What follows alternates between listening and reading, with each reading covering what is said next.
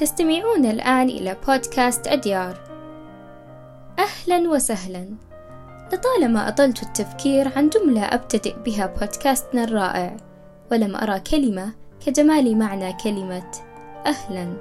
وأقول لمتابعين بودكاست أديار وجدتم أهلا ونزلتم سهلا لا وعرا. ولذلك أتمنى لكم استماعا ممتع لنا نحن الثمانية. وأهلا بكم في بودكاست أديار.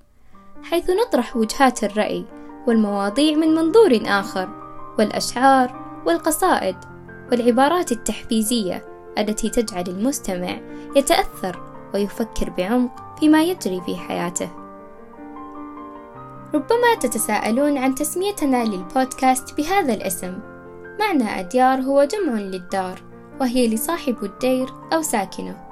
وبما أن جميعنا من مناطق مختلفة وكل لها دار مختلف. اجتمعنا فكنا أديار.